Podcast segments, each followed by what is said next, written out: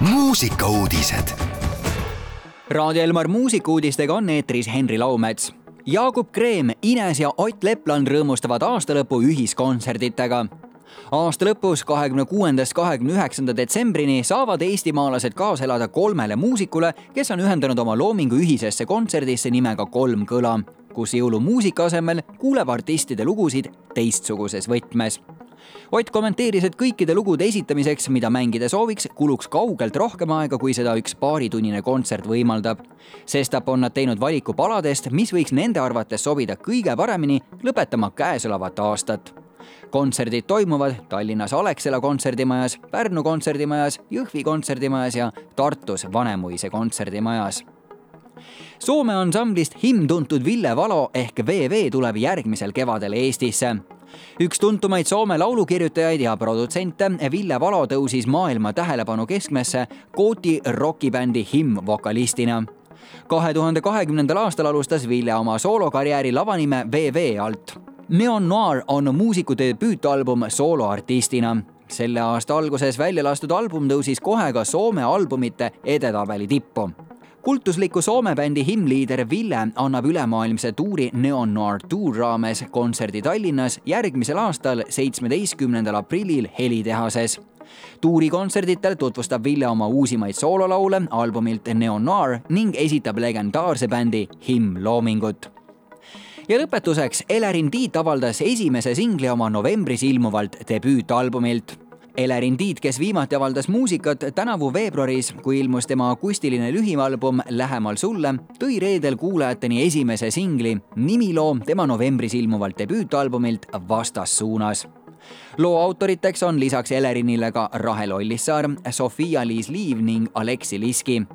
Elerini sõnul inspireeris teda lugu kirjutama tema enda suhe. nimelt lasi lauljatar lahti inimesest, kellest hoolis, et saada enda heaolu ja vabadus tagasi tema jaoks oli see ebamugav ja kõle teekond, aga sellega kaasneb ka samas mingi kirjeldamatu vabaduse tunne, kus lähed vastassuunas, et midagi uut ja värsket saaks juhtuda head Raadio Elmar kuulajad, laseme ka meie lahti suvest ja astume sügisesse Elerin Tiidu uue looga Vastassuunas. mõnusat kuulamist. muusikauudised igal laupäeval ja pühapäeval kell kaksteist, viisteist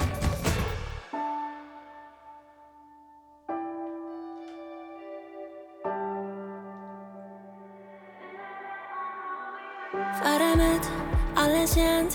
On teineteisest tundub vaid sulle, vaid sulle. läbi sai see lõik, miks liikumatuna sa näid mulle,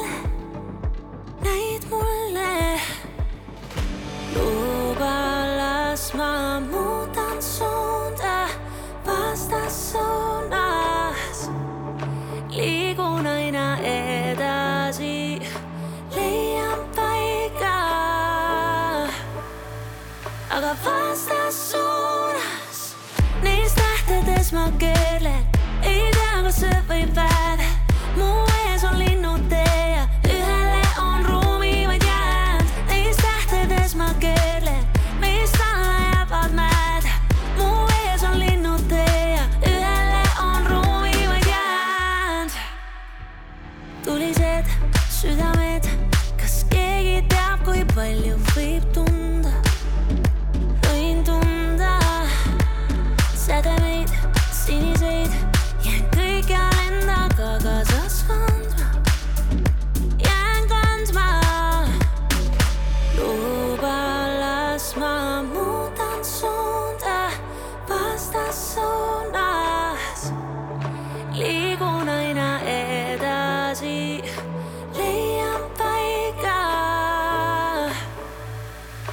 vastas suunas, neis tähtedes ma keerlen, ei tea, kas see võib väärata.